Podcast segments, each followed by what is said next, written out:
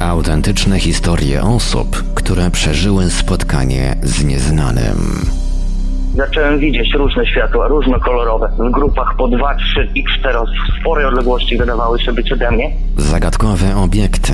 Strasznie intensywne, potężne niebieskie światło. To się wydawało tak, jakby to było nad chmurami było jakieś ognisko tego światła, które przebijało się przez. No, no, no ja do tej pory jestem w szoku, bo to się nie zdarza często, nie? Takie coś zobaczyć. Tajemnicze istoty. Przyszedł do naszego mieszkania taki obrzydliwy, brązowy szarak, obleśny. Jezus Chrystus, a mnie na wymioty zbiera, o tym myślę. Ja w tym śnie się schowałam tak jakby pod stół. Niby byłam pod stołem, a nagle byłam na jakimś stole i ktoś mi zbijał igłę w plecy. Mrożące krew w żyłach przeżycia na granicy światów. Budzi mnie skrzypienie drzwi, znów widzę to światło. Wstaję z łóżka, idę uchylić mocniej te drzwi, zobaczyć co tam jest. I widzę postacie, ale czuję jakąś grozę sytuacji. Jestem przerażona po prostu. Biegnę i krzyczę do męża, strzelaj. Mówią świadkowie w radiu Paranormalium. Witam Was bardzo gorąco i serdecznie przy mikrofonie Marek Sękiewelios. Mam przyjemność zaprosić Państwa na kolejny, 32 już odcinek podcastu Mówią Świadkowie, czyli jednej z najbardziej paranormalnych, a przy tym wywołujących niekiedy najbardziej skrajne emocje audycji w polskim internecie.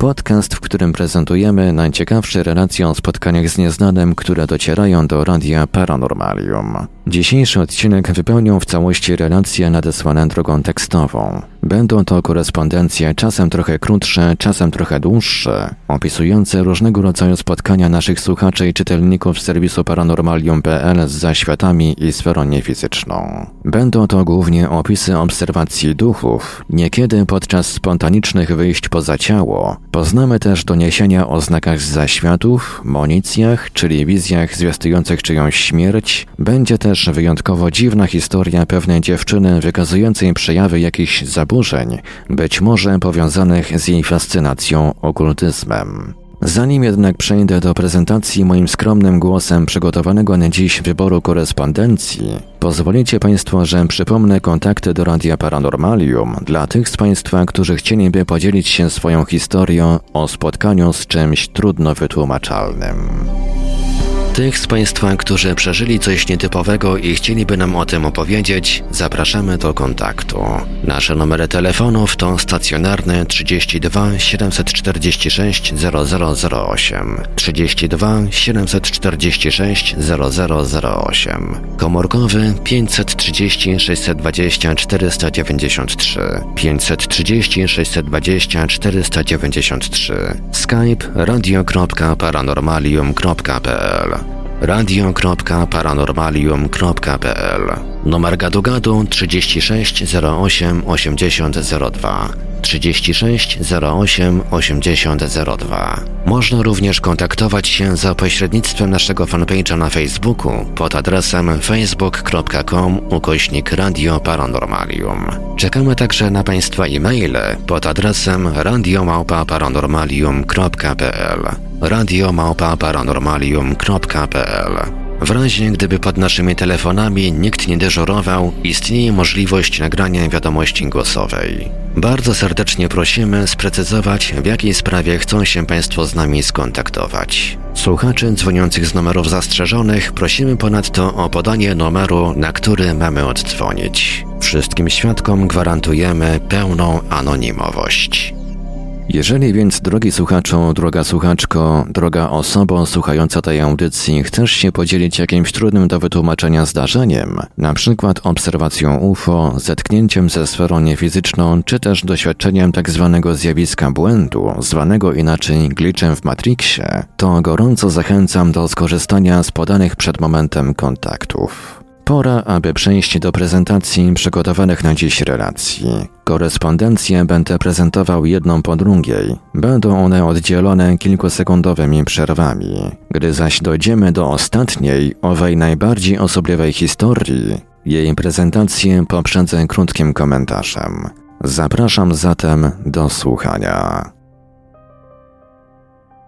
Fragment korespondencji e-mailowej nadesłanej do Radia Paranormalium 12 września 2018 roku. 31 sierpnia 1997 roku. Teściowa była umierająca i leżała w szpitalu. Moja żona dyżurowała przy jej łóżku. O godzinie 6.30 rano obudził mnie mój pies, owczarek niemiecki, który siedział przed drzwiami do domu i przeraźliwie wył. Za pięć minut dostałem wiadomość, że teściowa umarła.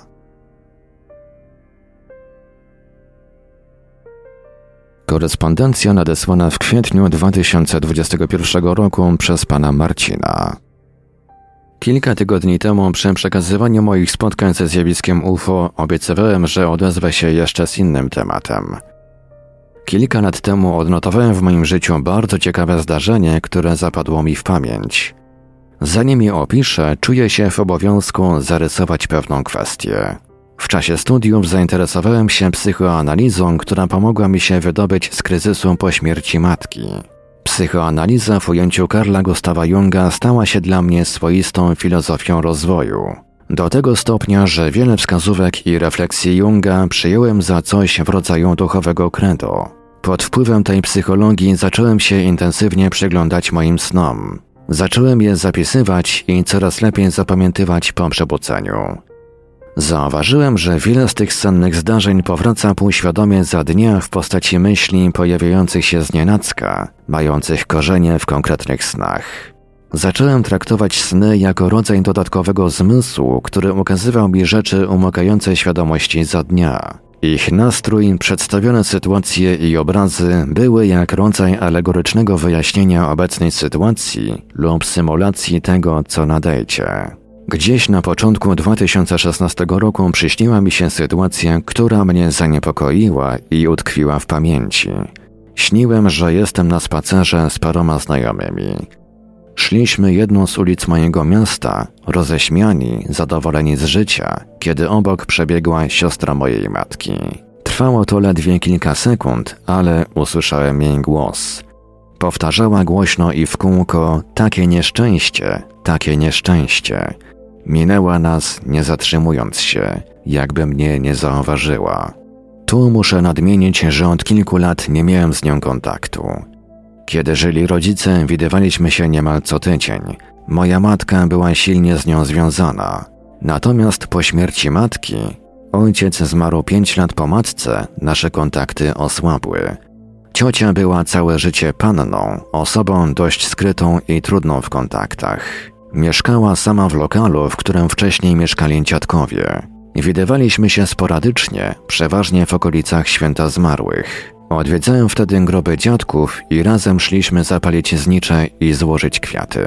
Kiedyś podczas takiej wizyty pytałem ją o korzenie naszej rodziny. W trakcie rozmowy oznajmiła mi: Ty mnie pochowasz. Zmroził mnie wówczas ciężar tej przysługi złożonej na moje barki. Uświadomiłem sobie, że faktycznie tak może się stać, bo na miejscu z rodziny zostałem tylko ja. Ale wróćmy do snu. Ten sen nie dawał mi spokoju. Ale z uwagi na różne konfliktowe sprawy z przeszłości trudno mi było sprawdzić, czy to ma jakieś odzwierciedlenie w rzeczywistości.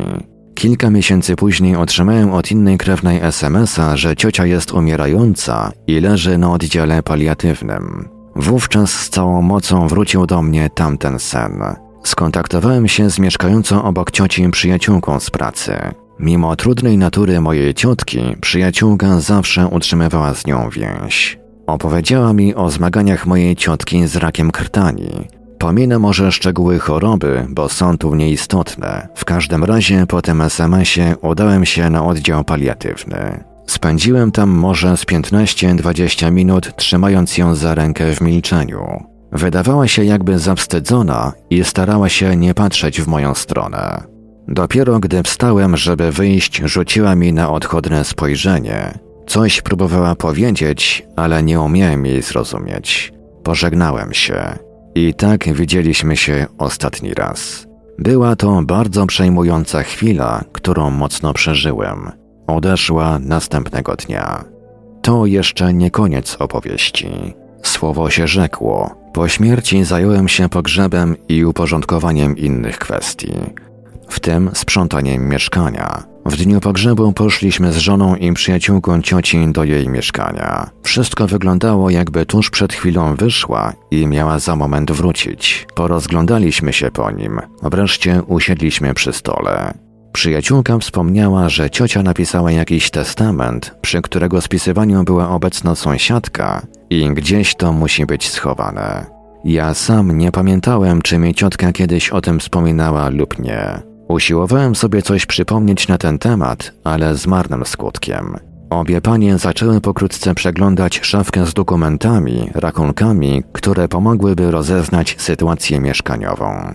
Rozglądały się też za kopertą, w której miał być ów testament, ale bez skutku.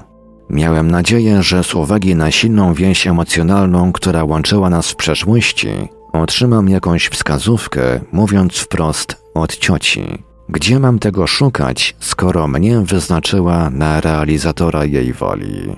Usiadłem sobie w kuchni, przyłożyłem pięść do czoła i zacząłem zadawać w myślach prośbę, żeby mi pokazała, gdzie szukać. Po chwili przyszła mi do głowy myśl w postaci obrazu. Zobaczyłem ciocię, jak z tajemniczym uśmiechem Monalizy wstaje stapczana w dużym pokoju i idzie do szafki w meblościance, czegoś w rodzaju barku. Zrozumiałem przekaz. Od razu poszedłem do tej szafki i otwarłem ją. Biała koperta tkwiła w małym stojaku w głębi szafki. Otwarłem niezalepioną kopertę i to było to. Podziękowałem cioci i poszedłem poinformować obie panie w pokoju obok, że znalazłem testament. Trochę z początku im było dziwnie, jak wytłumaczyłem, skąd wiedziałem, gdzie tego szukać.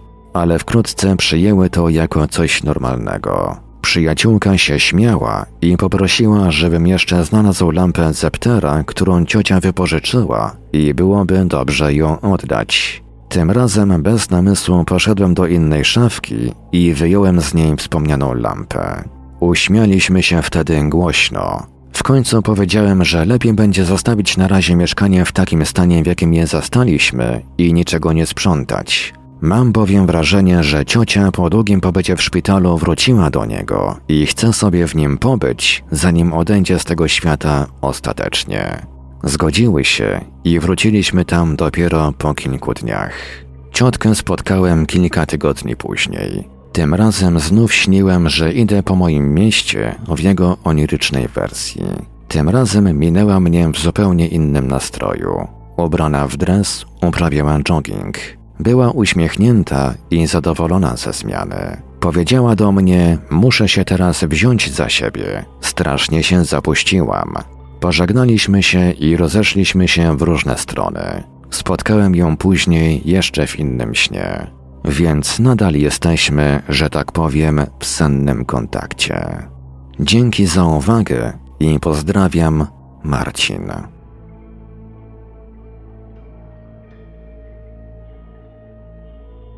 Relacja nadesłana do www.paranormalium.pl przez pana Krzysztofa w 2008 roku.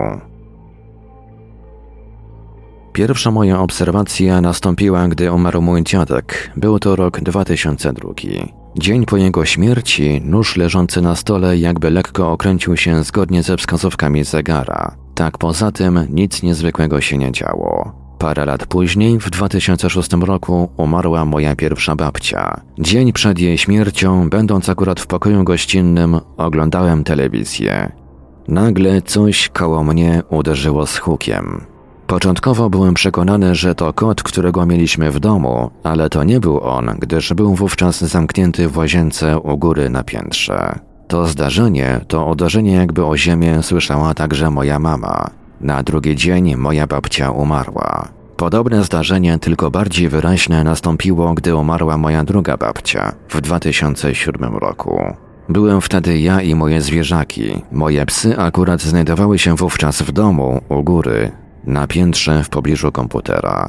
Nagle na dole usłyszałem otwieranie drzwi, potem ich zamknięcie, trzask drzwiami. Następnie słyszałem kroki, jakby szła kobieta na szpilkach. Nie wiem, jak mam to napisać, ale tak było słychać. W każdym razie, jakby ktoś chodził. Po chwili usłyszałem jakby chodzenie po schodach i potem wszystko ustało. Później okazało się, że mniej więcej w tym samym czasie zmarła moja druga babcia. Nie wiem, jak to jest możliwe. Sam czasem myślę, że jestem nienormalny, ale chyba nie jestem nienormalny, skoro takie zdarzenia mam przejściowo. Potem zanikają. I po jakimś czasie znów coś się dzieje. Jakoś na początku tej wiosny, nie pamiętam dokładnie jaki to był miesiąc, Przechodząc koło naszego kościoła, to znaczy w niebo wstąpienia pańskiego, nagle usłyszałem głos, który raz wypowiedział moje imię. Nie wiem, czy to ma jakiś związek, ale na drugi dzień, gdy pracowałem u ojca na stacji paliw, nagle w tej samej chwili, kiedy dosłownie lał deszcz, wszystkie okna w samochodzie były pootwierane, a tata twierdził, że w ogóle ich nie otwierał. Był w szoku i był wściekły, bo był pewny i przekonany, że okien i to wszystkich by nie otwierał. Na razie od tamtego czasu nic się nie wydarzyło. Ale poza tym wszystkim, co tutaj napisałem, miałem także jakby ostrzeżenia od zmarłych i to nie raz, lecz dwa razy. Raz przyśnił mi się mój dziadek jakiś niecały rok po swojej śmierci. Przyśnił mi się w tym samym kościele, koło którego niedawno na wiosnę słyszałem głos, który mówił wtedy do mnie po imieniu. W tym śnie wszedłem do kościoła. Nagle po prawej stronie kościoła zauważyłem siedzącego mojego dziadka. Wyglądał jak żywy. Siedząc na ławce, odwrócił się do mnie do tyłu. Był smutny i bardzo przerażony, tak jakby chciał mi o czymś powiedzieć. Gdy się obudziłem, a byłem akurat z kolegą i jego mamą pod namiotem, opowiedziałem im o tym, bo po prostu musiałem. Jakieś dwa dni później zginął mój kot. Dziadek wiedział, że od małego lubiłem zwierzaki. Zginął na skutek potrącenia przez samochód. Do dziś jestem przekonany, że był to znak, ostrzeżenie od mojego dziadka. Drugie podobne zdarzenie nastąpiło, gdy umarła moja druga babcia. Podobnie jak w tym wypadku, przyszła do mnie we śnie. Tym razem sen wyglądał tak. Śniło mi się, że moja babcia umarła. Wtedy moja mama zapytała mnie, czy babcia może do rana przeleżeć na moim tapczanie ze mną. Ja się zgodziłem. Położono babcię na moim tapczanie i ja również koło babci się położyłem. No bo w końcu była to moja ukochana babcia, ale nie żywa, tylko martwa, jej ciało. Wtedy pamiętam, że babcia w tym śnie zaczęła się robić sina. Ja we śnie zastanawiałem się, ile jeszcze czasu zostało do rana. Babcia coraz bardziej robiła się sina. W końcu się obudziłem. Byłem przekonany, że stanie się coś złego. Mówiłem nawet moim rodzicom, żeby kota nie wypuszczali na dwór. Nastał wieczór. Mama w końcu wypuściła kota. Ja o tym nie wiedziałem. Potem, dowiedziawszy się o tym, że mama go jednak wypuściła, bo sam chciał wyjść, wtedy już byłem przekonany, że kot nie wróci. Czekałem do 23, do północy, do pierwszej w nocy, do drugiej, do trzeciej, do czwartej i kota nadal nie było, mimo że go wołałem. Kiedy o godzinie piątej zrobiło się już jasno, postanowiłem od razu wyjść na ulicę, bo czułem, że na pewno mu się coś stało. Wyszedłem na ulicę i patrzę, leży coś na drodze. Im bardziej się zbliżałem, tym bardziej byłem przekonany, że to mój kot. Podszedłem do niego. Był już zimny i sztywny, ale to na pewno był on. Miał taką charakterystyczną ciemno-szarą plamkę koło prawego oka. Wtedy już wiedziałem, że i babcia chciała mi w jakimś sensie powiedzieć, co się wydarzy, żebym czuwał. Jak wytłumaczyć te wszystkie zdarzenia? Korespondencja nadesłana w lipcu 2014 roku. Mam 17 lat. Chciałam napisać o dziwnym zjawisku, które zauważyłam głównie w nocy i w moim pokoju. Otóż regularnie od dwóch lat na suficie widzę czarną postać, nie całą, lecz do pasa. Czarny cień wyglądający na pierwszy rzut oka jak zakonnica, tyle że cała w czarnym ubiorze. W dzień jednakże widzę nad krzyżem na suficie w pokoju rodziców tęczę, która nie powinna się pojawić, bo tydzień temu we wtorek w Zielonej Górze było szaro na dworze, dlatego to dla mnie dziwne skąd się wzięła. Nigdy nie zrobił mi ten duch niczego złego, nie jest agresywny. Mam podejrzenia, iż to dusza zamordowanego w 1998 roku Matthew Sheparda, a to dlatego, bo był on za życia bardzo religijny, a moje domysły związane z tą tęczą są takie, iż Matt był za życia gejem. Zresztą dlatego go zabito z zimną krwią, nad czym ubolewam. Dlatego myślę, że to on się nam ujawnia jako tęcza, tylko nie wiem czemu mieszka u mnie w Polsce, a nie u swoich rodziców w USA. A co do tego cienia, kompletnie nie wiem, czy to zwykły cień, czy może jakiś inny duch, o którym nie wiem. Ważna informacja, może na coś się przyda. Mieszkam w starym poniemieckim domu, prawdopodobnie niegdyś należącym do żydowskiej rodziny.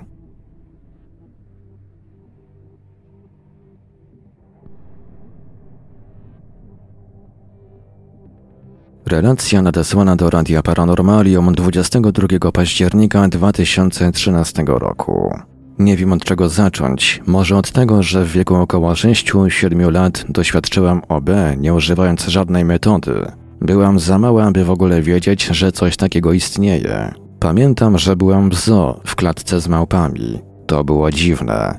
Kilka razy jeszcze przytrafiło mi się coś podobnego, ale byłam w całkiem innych miejscach. Potem ustało. W gimnazjum zaczęło się to powtarzać. Nawet nie wiem jak to nazwać. Normalnie chodziłem do szkoły, mówiłem do ludzi, ale oni tak jakby mnie nie widzieli, no bo nie widzieli. Wtedy postanowiłem poszukać w internecie, co to może być. Przeraziłam się, jak zacząłem o tym czytać. Na szczęście nie tylko ja tego doświadczyłam. W klasie miałem koleżankę, która miała to samo. Mówiła, że też nie używała żadnych metod. Samo przyszło. Wtedy wiedziałam, że mogę z kimś wymieniać się doświadczeniami i tak. Odbiegając od tematu OB, zawsze gdy siedziałem w domu sama, działy się dziwne rzeczy. Coś szurało o podłogę. Słyszałam pukanie do drzwi, a gdy do nich podchodziłam, tam nikogo nie było. Rodzice próbowali mi wmówić, że ktoś się wygłupiał. Pukał do drzwi i uciekał po schodach, ale za drzwiami nie słyszałam żadnych kroków. Czasami też czułam przyjemny chłód. Mama mówiła, bym się tego nie bała. Ona kiedyś też doświadczyła spotkania z duchem swojej mamy, a mojej babci. Mówiła, że to ona przychodzi do mnie, bym się nie czuła samotna. Gdy nie chciałam tego, mówiłam, bym głośno rozmawiała. Wtedy odejdzie. Tak też robiłam, bo bałam się tego. Faktycznie, gdy wypowiedziałam głośno słowa, które kierowałam do tego czegoś, chłód momentalnie przechodził. Nie wierzyłam do końca w istnienie czegoś nadprzyrodzonego. Dość niedawno, bo kilka miesięcy temu miałem dziwny sen. Na łóżku odbijało się tak jakby ciało, którego tam nie było. I rozmawiałam z kimś. Na drugi dzień zmarła moja ciocia. Wtedy też wyjechałam za granicę do siostry. Leżałam na łóżku, byłam sama w domu. Było ciepło, a na twarzy poczułam chłód, ale różnił się od tego, który czułam w rodzinnym domu. Ten był nieprzyjemny. Zasztywniałam. Po kilku minutach przeszło. Dość niedawno, kilka dni temu, gdy wykonywałam codzienne czynności, akurat obierałam w kuchni ziemniaki na obiad, zaczęły lecieć mi łzy, same z siebie, nawet tego nie kontrolowałam. Zaczęłam też ciężko oddychać. Czułam czyjąś obecność, że stoi w drzwiach kuchni i patrzy na mnie. To był zły wzrok. Coś złego na mnie patrzyło. Gdy ustało, z niewiadomych powodów usiadłam na podłodze, choć tego nie planowałam, tak jakby coś mną kierowało. Przestraszyłam się, wstałam i idąc w stronę komputera, by zadzwonić na Skype'ie do rodziców i opowiedzieć im o tym, poczułam jak coś patrzy na mnie, siedząc w salonie na kanapie. Rozpłakałam się. Teraz był to kontrolowany płacz, taki ze strachu. Ojciec nie chciał mi wierzyć, powiedział, że jestem nienormalna, wymyślam sobie. Mama zaś uwierzyła i powiedziała, bym włączyła światło w całym domu i powiedziała głośno wypierdalaj. Ale bałam się, bo kuchnię z resztą domu dzielił salon, w którym czułam czyjąś obecność. Zaczęłam czytać i czytać. Niby większość zgadzała się z tym, co czułam, czego doświadczyłam, przez pierwsze dwa dni bałam się zasnąć. Nie spałam do piątej nad ranem. Spałam z siostrą w jednym łóżku, na wszelki wypadek. O godzinie 2.57 zapalił się telefon siostry. Sam, bez przyczyny. Bateria pełna, nie dostała żadnej wiadomości. Poprosiłam ją, by zobaczyła, która godzina. Powiedziała za trzy trzecia. Przeraziłam się, ale nic się nie stało. Wczoraj, to jest 21 października 2013 roku, około godziny 13 przyszła dwuletnia córka mojej siostry, trzy razy mówiąc, że ktoś puka. Wiadomo, że takie małe dziecko nie zmyśliłoby sobie, że ktoś puka, bo jest za małe. Za każdym razem, gdy podchodziłam do drzwi, nie było nikogo. Zadzwoniła mama i powiedziała, że babcia jest w szpitalu w bardzo ciężkim stanie.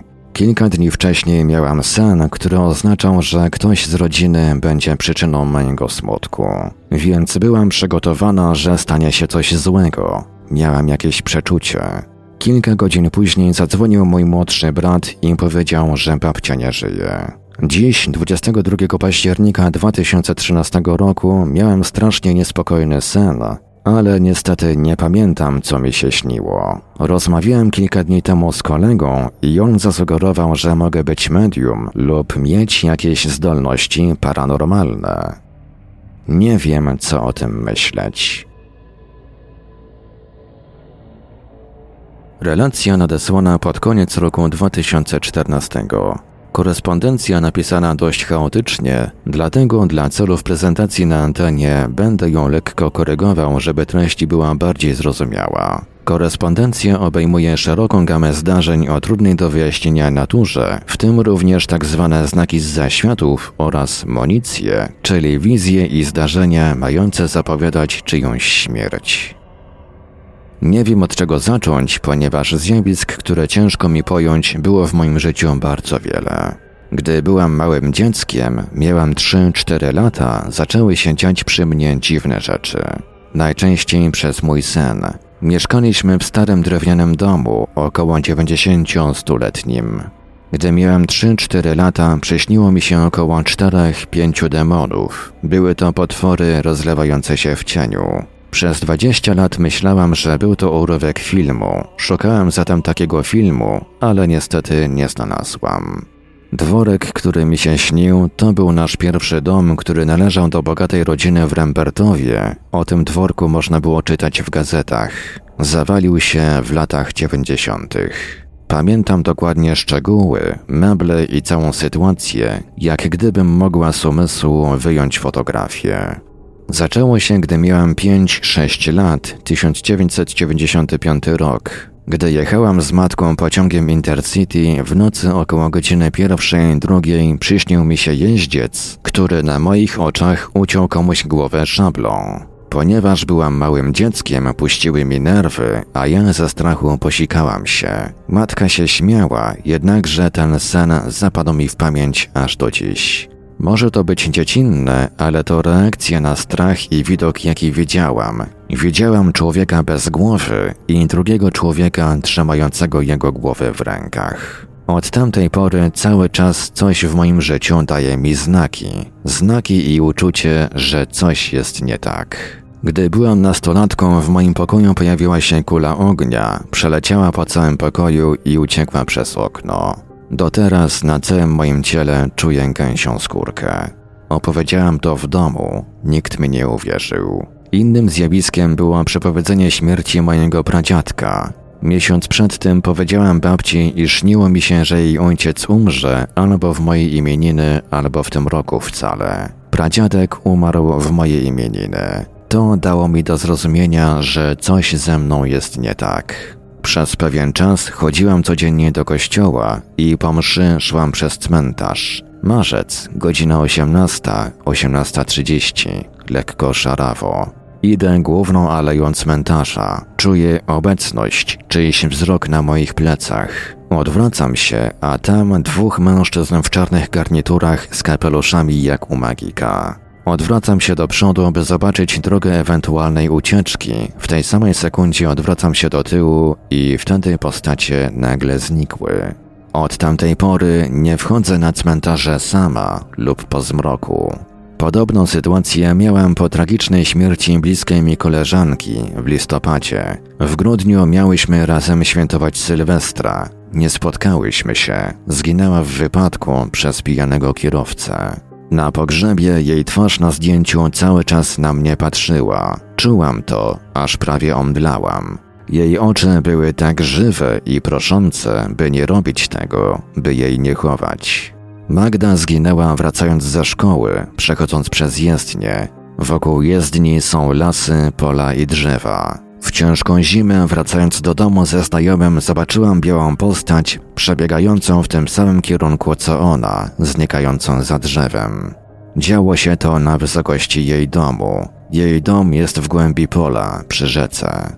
Przepraszam, że piszę tak chaotycznie. Jest tego tyle, że nie dam rady więcej trzymać tego w sobie. Ludzie nie wierzą w to, co czasem mówię. W 2001 roku pod pociąg rzuciła się siostra mojego znajomego. Widziałam ją dwie godziny przed samobójstwem. Wiedziałam, że z jej wzrokiem jest coś nie tak. Czułam, że coś się stanie.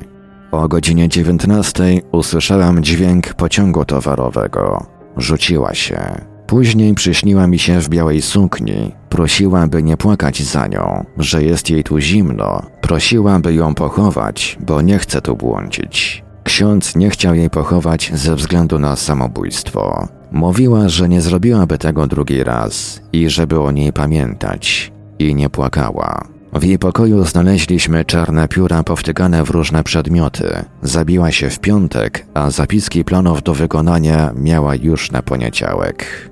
Gdy weszliśmy do pokoju, pióra uniosły się i latały w powietrzu. Już na samą myśl o tym mam gęsią skórkę. Zawsze czuję na plecach jakąś energię, gdy wchodzę do mieszkań obcych ludzi. Często wprowadzają mnie w dyskomfort, ponieważ nie czuję dobrej energii. W zeszłym roku wynajęliśmy mieszkanie. Zrobiliśmy to nie oglądając go, w ciemno, ponieważ zależało nam na tym, by od razu zamieszkać w danej miejscowości. No i zaczęło się. Pierwsze co poczułam, to obecność czegoś w tym domu. Nie lubiłam w nim zostawać sama. Po pewnym czasie coś ciężkiego usiadło mi na kołdrę. Wiedziałam, że to nie jest mój wymysł. Zaczęłam się bać. Powiedziałam o tym mężowi, że ktoś tu jest, że czuję tutaj jego obecność i że mnie obserwuje. Po kilku miesiącach kobieta wynajmująca nam mieszkanie oznajmiła, że jej mąż tutaj umarł i domyślam się, że spaliśmy na jego łóżku. Wszystko się psuło, zaczynaliśmy się ciągle kłócić. Ja zaczęłam widzieć różne rzeczy. Kobieta ta nie kochała męża, sądząc po rozmowie, jaką prowadziła. Rozmawiała o nim jak o jakimś meblu, co się popsuł, no i może dobrze, że się popsuł. Odczułam, że mógł to być zły człowiek, choć ta kobieta też jest zła. Jest tyle rzeczy, które chciałabym opisać. Po dwóch, trzech zdaniach jestem w stanie wyczuć energię człowieka. Patrząc w oczy wiem, czy zdradził żonę, czy kłamie, jakie ma zamiary. A ta kobieta była zła, to było czuć. W mieszkaniu łóżko było ustawione głową do tyłu okna, a nogami w kierunku ściany. Jednakże, gdy otwierało się oczy, było widać ciemny korytarz. Zawsze widziałam tam coś i czułam niepokój przed zaśnięciem. W grudniu pojawiły się, jak ja to nazwałam, anioły, choć teraz zastanawiam się nad tym, czy to aby na pewno były anioły. W drzwiach, przy lekko zapadającym w sen wzroku, pojawiła mi się postać, duża, mglista, stojąca w drzwiach do korytarza, tak jakby ktoś zasłaniał widok tej ciemni w korytarzu. Tak jakby nie chciał, aby coś weszło do pokoju lub abym ja nie widziała tego korytarza. Gdy tylko powiedziałam o tym mężowi, na dwa, trzy dni postać znikała. Myślałam, że to tylko moja wyobraźnia, gdy pojawiła się niższa postać, co dało mi do zrozumienia, że to mogą być anioły pilnujące mojego snu. Czasem, gdy tylko je dostrzegałam kątem oka, zasypiałam, czując lekką ulgę. Sny, jakich tam doświadczałam, były zawsze katastroficzne. Widziałam w snach wojny, obcą cywilizację, nie UFO, obcych. Te sny mogę opisać tak szczegółowo, z detalami stroju kosmitów, którzy śnią mi się bardzo często. Wielkie dziury, z których przybywają i stworzenia niesamowicie piękne. Czuję się, jakbym była chora psychicznie. Ja to wszystko przeżywam. Gdy po raz drugi powiedziałem mężowi o tych postaciach w drzwiach, również zniknęły. Ale zaczęły pojawiać się u nas problemy z pieniędzmi. Wiem, że kobieta nam wynajmująca jest przez nie zdominowana. Poza pieniędzmi nic innego nie ma dla niej wartości. A my przeprowadzimy się do nowego mieszkania. Tydzień był super. Nie miałem obaw o nic, spałem spokojnie, dopóki nie zasłoniłem okien brązowymi zasłonami. Poczułam czyjąś obecność. Jestem w tym mieszkaniu. Przyśniła mi się mała dziewczynka, około 6-7 lat, która siada mi na kołdrze. Nie wiem, czy był to sen na jawie. Pamiętam, że kazałam jej zejść stąd i że powiedziałam, że jej się nie boję. Poczułem obecność jeszcze innej osoby. Schodząc ze schodów, czuję na sobie wzrok. Przyśnił mi się mężczyzna w kapturze.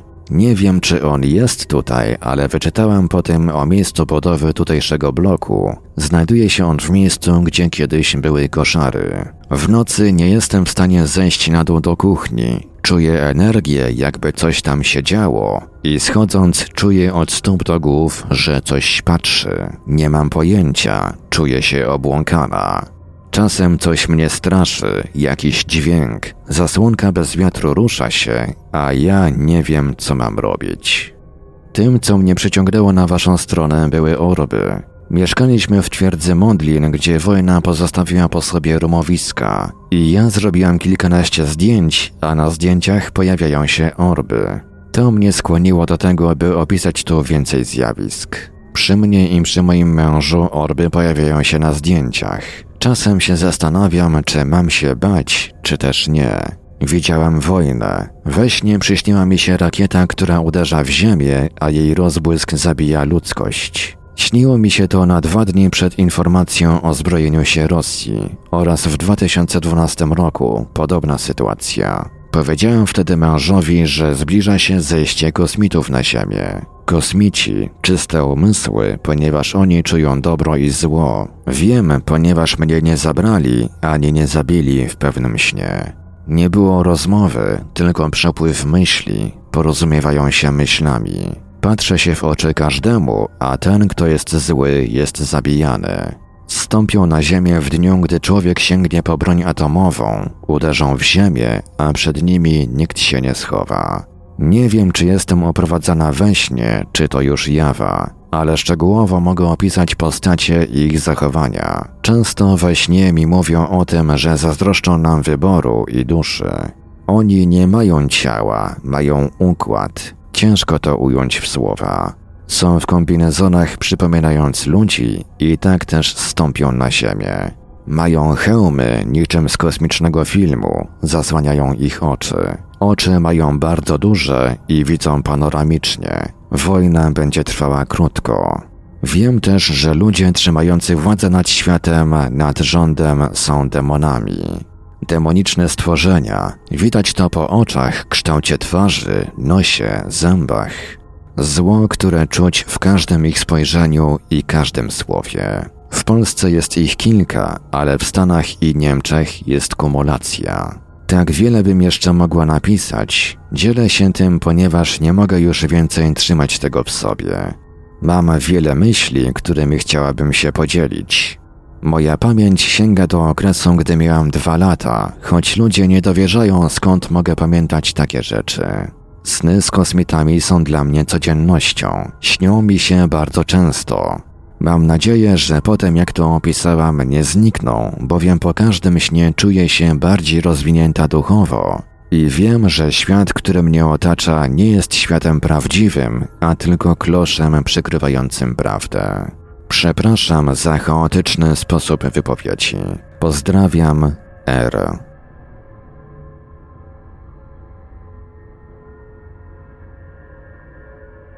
Po krótkim przerywniku przejdziemy do prezentacji ostatniej, chyba najbardziej kontrowersyjnej relacji w tym odcinku. Nigdzie się nie wybierajcie.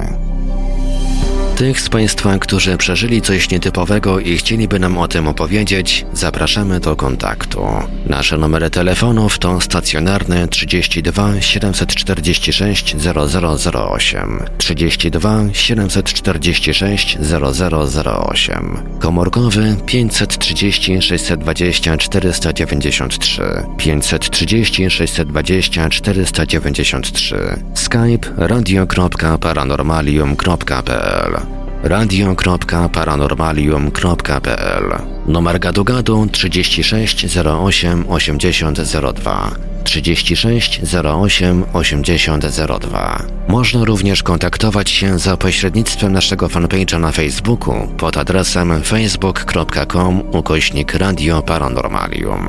Czekamy także na Państwa e-maile pod adresem radiomałpa-paranormalium.pl radiomałpa-paranormalium.pl W razie gdyby pod naszymi telefonami nikt nie dyżurował, istnieje możliwość nagrania wiadomości głosowej. Bardzo serdecznie prosimy sprecyzować, w jakiej sprawie chcą się Państwo z nami skontaktować. Słuchaczy dzwoniących z numerów zastrzeżonych prosimy ponadto o podanie numeru, na który mamy oddzwonić. Wszystkim świadkom gwarantujemy pełną anonimowość. Pisz artykuły, rozmawiaj z czytelnikami, moderuj komentarze i poczuj się jak redaktor. Załóż bloga na Paranormalium. Więcej dowiesz się w dziale blogi na www.paranormalium.pl. Rozmawiaj z prezenterami oraz z innymi słuchaczami na żywo. Wejdź na naszego czata na www.paranormalium.pl. Bardziej niż nieprawdopodobne, niemożliwe, niewiarygodne. Radio Paranormalium. Paranormalny głos w Twoim domu. Autentyczne historie osób, które przeżyły spotkanie z nieznanym. Zagadkowe obiekty, tajemnicze istoty, mrożące krew w żyłach przeżycia na granicy światów. Mówią świadkowie w Radiu Paranormalium. No i nadszedł czas na prezentację tej ostatniej, najbardziej osobliwej korespondencji w dzisiejszym odcinku. Właściwie to nie wiem, czy zaliczać to do jakichś zdarzeń o charakterze paranormalnym, czy raczej mamy tu do czynienia z zaburzeniami psychicznymi spowodowanymi bądź spotęgowanymi silną fascynacją okultyzmem. A niewykluczone też, że również wypraniem mózgu pewnej dziewczyny przez sektę. Niemniej historia dość mroczna, a ostateczny werdykt zostawiam Państwu. Przejdźmy do wysłuchania tej relacji.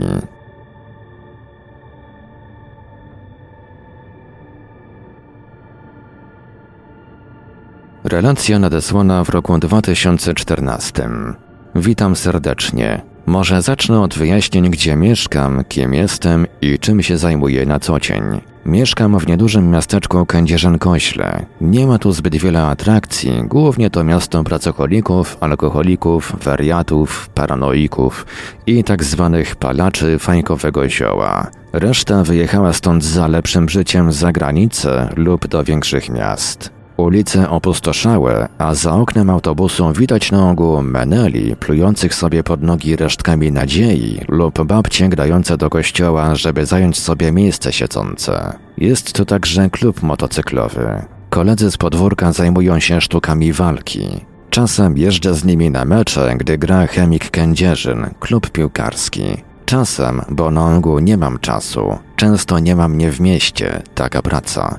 Oczywiście jest tu także Zaksa Kędzierzyn-Kośle, siatkówka, klub znany na całą Polskę.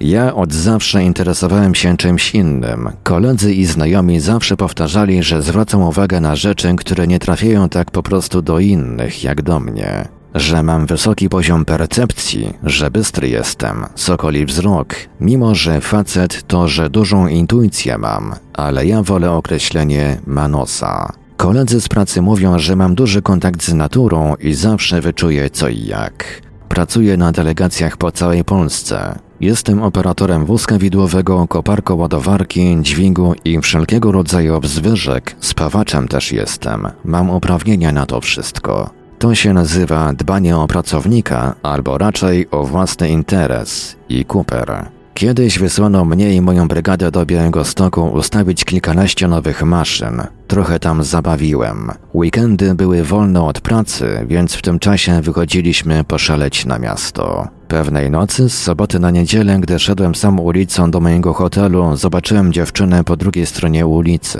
Była przerażona i strasznie płakała. Naturalnie, że do niej podszedłem i zainteresowałem się. Ale to, co poczułem, gdy do niej podszedłem, było przerażające. Nie umiem wytłumaczyć, dlaczego to poczułem. Ona jedynie płakała i była przerażona, ale czułem coś jakby negatywną siłę, energię wokół niej, aż mi się włosy zjeżyły na rękach.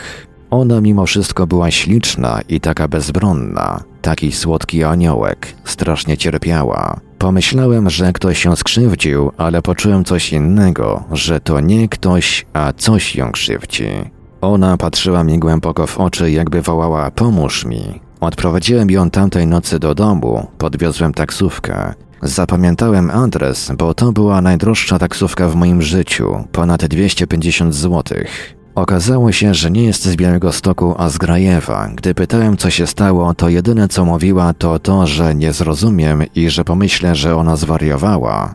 A potem już tylko milczała, przy mnie się wyciszyła i zasnęła na moim ramieniu. Zaniosłem ją na czwarte piętro po schodach, myślałem, że ducha wysione. Podała mi klucze i otworzyłem drzwi do jej mieszkania. Na drzwiach było napisane 13. Pomyślałem, no świetnie, że to nie piątek, tylko sobota, 13 kwietnia 2013 roku. Położyłem ją na jej łóżko, a obok na szafce stał zegarek, a na nim trzecia trzynaście. Przeszły mnie entuzjastyczne dreszcze. To chyba po tych wszystkich opowieściach skrypty przy ognisku lub od tych horrorów nocnych o demonach i bytach nieczystych. Wydało mi się to dziwne i zastanawiające, że od kiedy spotkałem tą kobietę, to wszędzie widzę same trójki i jedynki dookoła. Zaraz skojarzyło mi się to z demonologią opisującą tą symbolikę. To sposób, w jaki moce nieczyste drwią z trójcy świętej. Dziewczyna tak szybko zasnęła na łóżku w sypialni.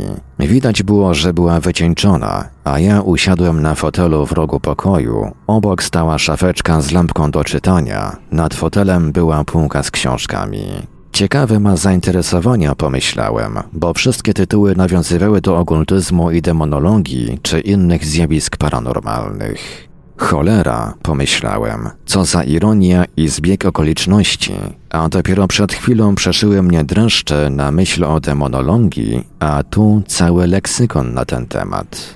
Na szafeczce leżała książka, otwarta do połowy i odwrócona, a na okładce było napisane Goecja. Nie zainteresowała mnie zbytnio, bo na okładce był także symbol jakby pentagramu, więc nie skojarzyło mi się to z tym, co mnie interesuje. Pomyślałem, że to o Grecji, lol. Za to na półce z tymi niezwykłymi książkami był jeden tytuł, który od razu przykuł moje oko. To było coś o praktykach egzorcystycznych i takie tam. Podręcznik egzorcysty, pomyślałem. Pomyślałem, ale jazda, idę do domu sam, sam, bo nic nie poderwałem, a tu na drodze w środku miasta poznaję taką niezwykłą istotkę w tak niezwykłych okolicznościach. Ta książka była o tym, jak przeprowadzić test na opętanie. Były także opisane rytuały egzorcystyczne. Czytając ją, bardzo szybko zasnąłem. Rankiem dziewczyna mnie obudziła, zjedliśmy śniadanie, przy kawie rozmawialiśmy. Dowiedziałem się, że wierzy w te wszystkie byty. Mieliśmy identyczne zainteresowania, tyle że jej brakowało dystansu do tego wszystkiego, ale była normalna, nie jakaś tam świruska, lecz nie chciała mi powiedzieć, co się stało tamtej nocy. Kitowała coś, że była u siostry i razem gdzieś wyszły, a potem się pokłóciły. Ale ja patrzyłem jej głęboko w oczy i oboje wiedzieliśmy, że to nieprawda. Mieliśmy ze sobą wiele wspólnego. Była taka tajemnicza, że non-stop o niej myślałem. Kumple z pracy śmiali się, że się zakochałem. Coraz częściej się spotykaliśmy i coraz bardziej się na mnie otwierała, aż w końcu zostaliśmy parą. Wiedziałem, że daje jej wiele radości i że była szczęśliwa. Ale gdy nadchodził czas na mnie, to ona wraz z tym coraz bardziej traciła kontakt z rzeczywistością. Jakby się martwiła o coś, coraz częściej o tym mówiła, potem stała się na ten temat bardzo wylewna. Z daleka było widać, że daje jej coś więcej niż tylko szczęście. Daje jej ukojenie, normalność, równowagę. Normalnie bym pomyślał, że boi się, że gdy odjadę do domu, to kontakt się urwie. Postanowiliśmy, że pojedzie do mnie, do mojej mieściny. Mi także zaczęło na niej zależeć. Ale to, co się zaczęło dziać, gdy zamieszkaliśmy razem, przerosło moje najśmielsze oczekiwania. To bardzo długa historia. W międzyczasie musiała na kilka dni wrócić do domu. Gdy była w domu, ten jej koszmar powrócił. Dzwoniła do mnie każdej nocy, strasznie płacząc. Jedna rozmowa telefoniczna szczególnie mnie przeraziła. Jak już wspominałem, mam nosa i często wyczuwam, co należy zrobić. Idę za głosem serca. Tamtej nocy coś mnie tknęło, żeby nagrać rozmowę telefoniczną. Zdaję sobie z tego sprawę, że wielu ludzi nie pochwala tego typu praktyk. Sam byłbym sceptyczny co do takich działań, ale wtedy czułem, że powinienem to nagrać. To, co się nagrało, przeraziło mnie do szpiku kości. Nagranie wrzuciłem na YouTube'a, a to w takim celu, żeby ktoś, kto się zna na EVP, mógł rzucić na to okiem. Jakiś profesjonalista w tej dziedzinie. A tym bardziej, że słychać na nagraniu zdanie, którego kompletnie nie rozumiem, jakby było wypowiedziane w innym języku. Samo nagranie jest autentyczne, niezmienione. Mam je nienaruszone na telefonie, tym samym, którym nagrałem tą rozmowę telefoniczną. Ciąg dalszy tej historii jest zamieszczony przed tym nagraniem, więc zapraszam. I naprawdę chciałbym, aby ktoś rozszyfrował to, co zostało wypowiedziane w jakby innym języku. Teraz zaprezentuję opis dołączony do filmu. Kiedyś na początku znajomości zadzwoniła do mnie po trzeciej w nocy strasznie płacząc. Mówiła: Błagam cię, pomóż mi. Jakieś trzaski i telefon spadł na podłogę. Było słychać tak, jakby ktoś nią rzucał o ściany, jej krzyki i płacz były przeraźliwe. Tamtego wydarzenia nie zarejestrowałem i nigdy się nie dowiedziałem, o jaką pomoc jej chodziło i co się stało tamtej strasznej nocy. Ona milczała na ten temat. Przez cały związek ona była bardzo dziwna, była taka dobra i ciepła, ale wiele rzeczy jakby robiła wbrew sobie, jakby ktoś ją zmuszał do robienia tego wszystkiego. Czasami bardzo dziwnie zmieniała wyraz twarzy i kręciła głową w nieludzki sposób, lub zamarzała w bezruchu na długą chwilę, patrząc się w jeden punkt. Ten wyraz twarzy, te nagle bardzo szerokie źrenice, przerażające. Czasem odnosiłem wrażenie, że sprawiało jej satysfakcję, gdy ktoś cierpi, ale nie pokazywała tego po sobie. Poza tym była bardzo inteligentna emocjonalnie, potrafiła doskonale grać na uczuciach, raniła mnie i dawała ukojenie. Bawiła się moimi uczuciami jak zabawką i nie widziała w tym nic złego, ale zawsze dawała więcej cierpienia niż ukojenia. 14 lutego 2013 roku podarowała mi dwie walentynki. Jedną od siebie, a drugą od cichej wielbicielki. Gdy pytałem o co chodzi, ona nie potrafiła mi tego wyjaśnić. Kim jest cicha wielbicielka? Ona patrzyła na mnie wzrokiem błagającym o zrozumienie, milczała, ale w jej oczach zawsze było to samo. Pomóż mi.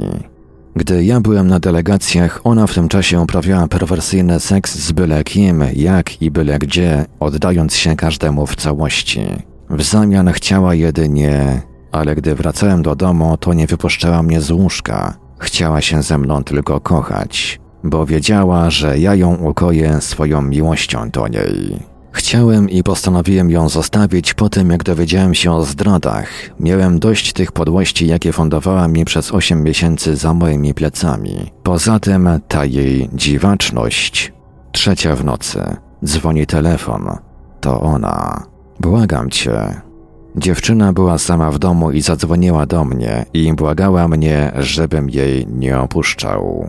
Dziewczyna, zanocząc się płaczem, błagała mnie o pomoc, ale ja nie wiedziałem, o jaką pomoc jej chodzi. Błagam cię, błagam cię, nie zostawiaj mnie. Nie zostawiaj mnie. Pomóż mi, błagam cię. Pomóż mi, ja cię potrzebuję. Kocham cię, zrobię dla ciebie wszystko, pójdę za tobą nawet do piekła. Ja w trakcie rozmowy przebywałem w swoim domu i byłem sam. Po drugiej stronie słuchawki tylko ona. Coś mnie tknęło, żeby włączyć nagrywanie rozmowy. W trakcie rozmowy nie słyszałem nic więcej, tylko jej głos i jej płacz. Po przesłuchaniu nagrania okazało się, że był z nią ktoś jeszcze. Nagranie jest autentyczne.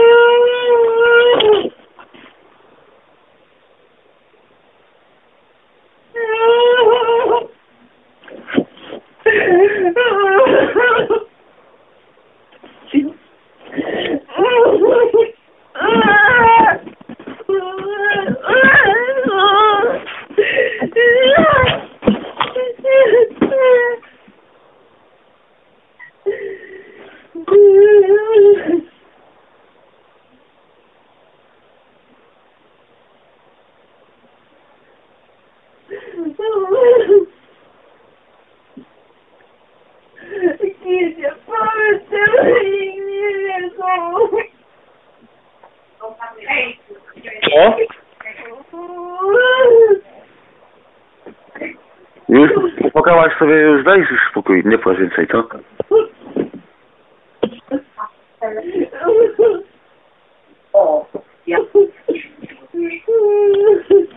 Nagle rozmowa została nieoczekiwanie rozłączona.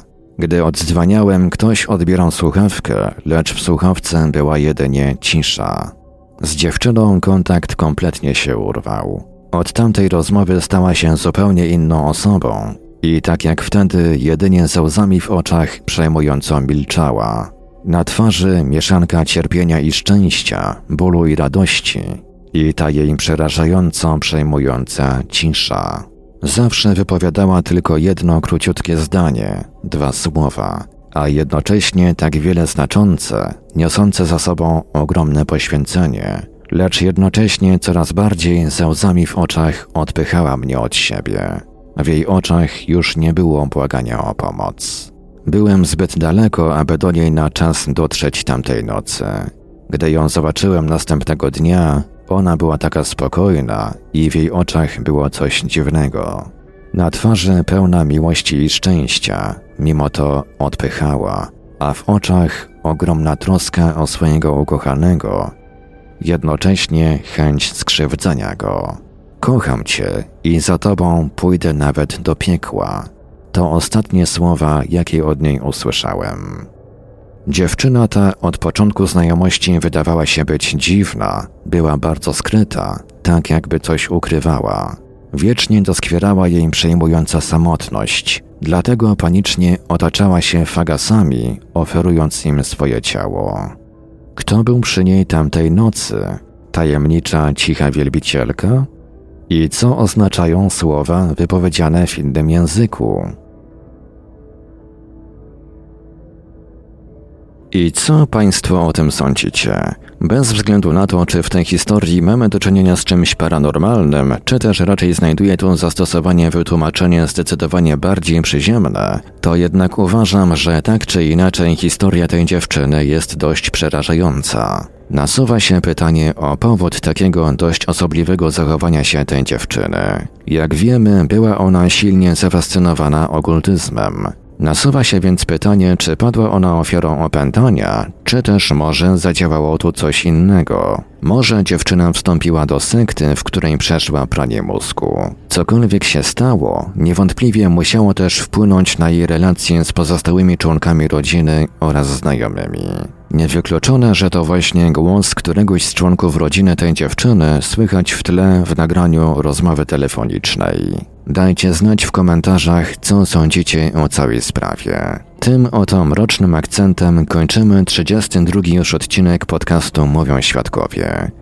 Mówił do Państwa Marek Sękiewelius. Radio Paranormalium, paranormalny głos w Twoim domu. Dziękuję za uwagę i zachęcam do śledzenia zapowiedzi nowych audycji i w ogóle wszelakiego rodzaju nowych treści na stronie Radia Paranormalium www.paranormalium.pl oraz na profilach radia na Facebooku i YouTube. Tych z Państwa, którzy przeżyli coś nietypowego i chcieliby nam o tym opowiedzieć, zapraszamy do kontaktu.